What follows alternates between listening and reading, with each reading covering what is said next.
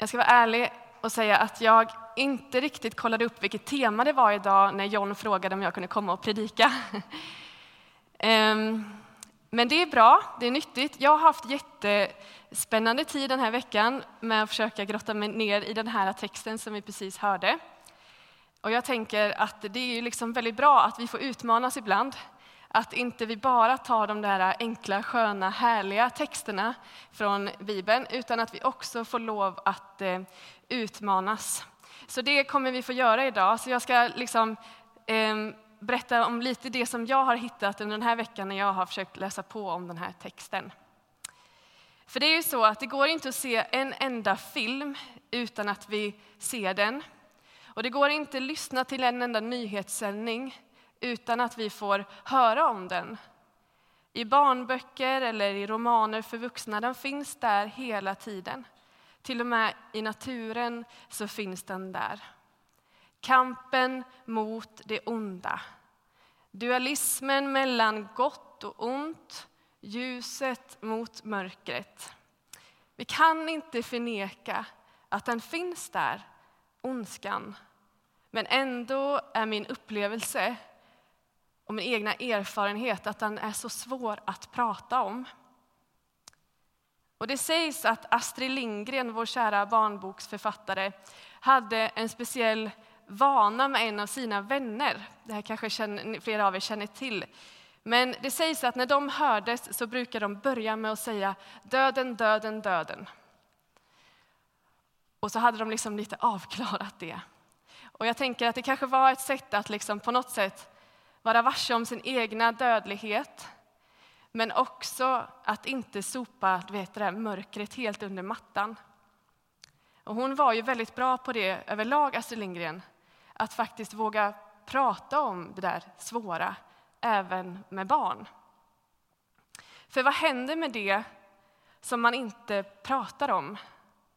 Det som man sopar under mattan och inte drar fram i ljuset. Ja, det blir sällan mindre ehm, det här som man inte pratar om, det blir ju sällan mindre och det får ju sällan också mindre kraft och påverkar oss mindre. Utan kanske till och med ibland kan vara tvärtom, att det vi inte pratar om påverkar oss ganska mycket. Så låt oss nu då göra det här som kanske känns lite obehagligt, kanske bara jag som känner det, svårt och i många fall skrämmande. Lite, jag tänker att vi, om vi pratar om det så gör vi det lite mindre kraftfullt genom att vi drar fram det i ljuset. Så vi går in i texten som vi har fått lyssna till redan. Och vi möter idag en text som minst sagt har många saker som man kan liksom så här, haja till kring. Och det första som händer det är att Jesus driver ut en demon ur en människa och människan blir fri. Människan blir fri. Det är ju fantastiskt. En person som inte har kunnat prata tidigare börjar plötsligt att tala. Och det står att folk häpnade. Och det kan jag ju också tänka mig att det skulle nog vem som helst göra. Men sen händer det som nästan alltid händer i situationer som dessa. Skeptikerna vaknar till liv. Man vill se fler tecken, ge oss fler tecken på himlen. Och man tror att det är med demonens första Belzebul som Jesus driver ut de här demonerna. Och då svarar Jesus dem så här, kommer upp här också. Varje rike som råkar i strid med sig själv blir ödelagt och hus faller över hus. Om nu Satan råkar i strid med sig själv, hur ska hans rike då kunna bestå?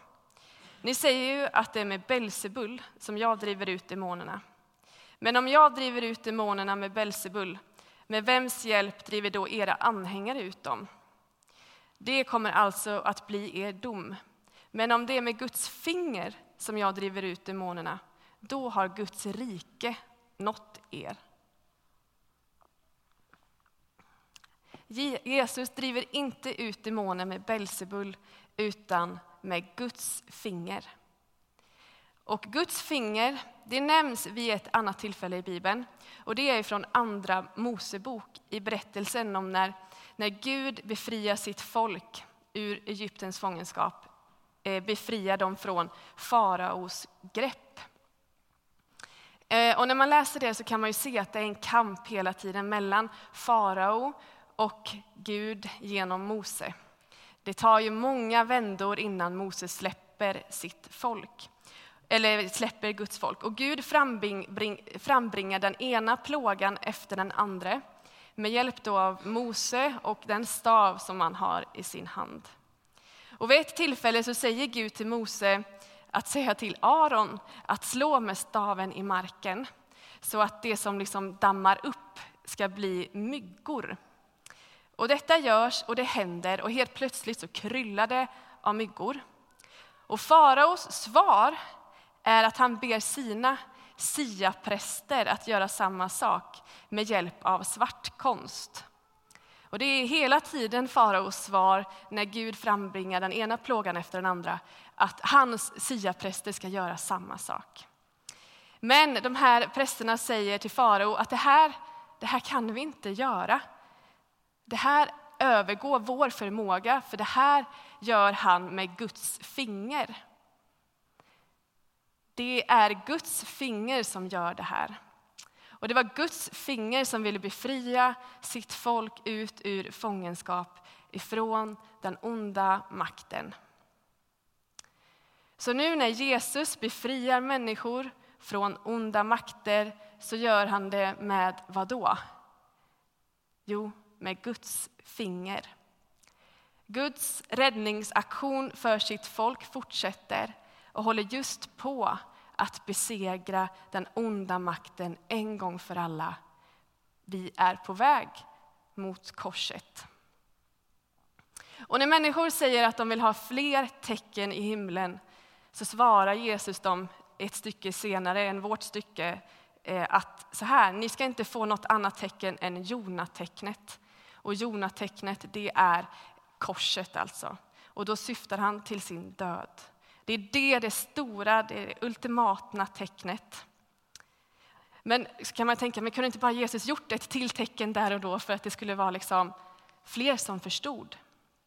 Men Jesu uppdrag var inte att, att driva ut enskilda demoner, liksom, att driva ut så många demoner som möjligt. Utan hans stora uppdrag det var ju att besegra den onda en gång för alla på korset. Det är det ultimata tecknet, den största kärlekshandlingen mot människan. Men vi får ju höra ganska mycket i den här texten om ondskan som kallas både för Satan och Belsebul. Vi får höra om demoner och orena andar. Och vi får veta att Satan har ett rike. Och I den här texten så är det liksom inga tveksamheter om att ondskan finns. Men hur mycket makt har egentligen ondskan? Så vi får läsa vidare i texten. Det står det så här. När en stark man, alltså Satan, vaktar sin gård med vapen i hand får hans ägodelar vara i fred. Men kommer det en som är ännu starkare, Jesus, och övermannar honom tar den mannen ifrån honom alla de vapen han litade på och fördelar bytet. Den som inte är med mig är emot mig och den som inte samlar med mig, han skingrar. Alltså den onde, som jag tänker att vi alla liksom på något sätt stångas med i våra personliga liv och i världen. Han har haft ganska mycket makt, ganska mycket inflytande. Men sen döden på korset så står det att han inte längre är obesegrad. Han är avväpnad. Jesus har gjort honom avväpnad. Jesus är alltid högre, alltid större, alltid mäktigare än ondskan. Jesus är en ännu starkare man. Och att följa Jesus handlar om att arbeta för ljuset i världen. Samla in vilsna själar så att de kan få frälsning i Gud. Men det är någonting som har skavt i mig när jag har läst den här texten och funderat. För om det är så här att ondskan är avväpnad, i och med Jesu död på korset. Varför ser vi då fortfarande så mycket ondska? Om då djävulen är avväpnad och besegrad. Och det här är ju såklart en, en, en svår och komplex eh, fråga att försöka förstå och svara på. Men vi kanske kan få lite svar i Uppenbarelseboken som är sista boken i Bibeln och ganska så svår med mycket metaforer och symboliker och bildspråk. Liksom, Men där kan vi förstå att, att i himlen så verkar det pågå ett parallellt drama med det som också händer här på jorden. Och inte minst då den stunden där Jesus dör på korset så händer det också samtidigt massa drama uppe i himlen. Och det står att genom Lammets blod så besegras ormen från urtiden, alltså Satan som man också kan kallas för ormen, och blir märkt och dömd till undergång. Han blir utvisad från himlen och kastas ner på jorden. Och hans raseri är stort, men hans tid är kort. Det står i Uppenbarelseboken 12 och 12 så här. Jubla därför, ni himlar och ni som bor i dem, men ve, er, men ve över jorden och havet. Djävulen har stigit ner till er och hans raseri stort, ty han vet att hans tid är kort. Alltså, hans tid är kort, djävulens tid är begränsad. Och det kan vara en förklaring till all den ondska vi skådar. Att djävulen är stressad, pressad och han vet att han är redan besegrad. Likt farao som blir pressad och stressad när han förstår att han egentligen inte har någon chans mot Guds finger. Och hans reaktion ja, men den blir att han vägrar släppa folket. Som, han vägrar släppa sina slavar. Men vi ska komma ihåg att vi har ett hopp i att den ondes makten är redan besegrad och kommer aldrig att få sista ordet. För Gud grep in och låter ljuset och livet segra.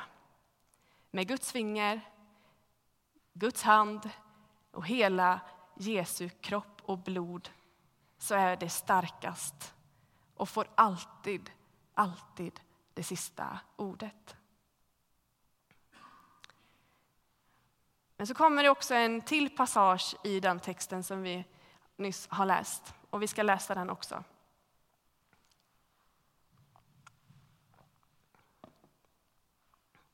När den orena anden lämnar en människa vandrar han genom vattenlösa trakter och letar efter en plats att vila på. Hittar han ingen så säger han, jag vänder tillbaka till mitt hus som jag lämnade. När den så kommer och finner det städat och snyggt går han bort och hämtar sju andar till som är värre än den själv. Och de följer med in och slår sig ner där. För den människan blir slutet värre än början. Det senaste så har jag sett eh, på ganska många olika dokumentärer. Säkert flera av er som har sett de här. Det handlar om lite olika andliga strömningar i, i Sverige.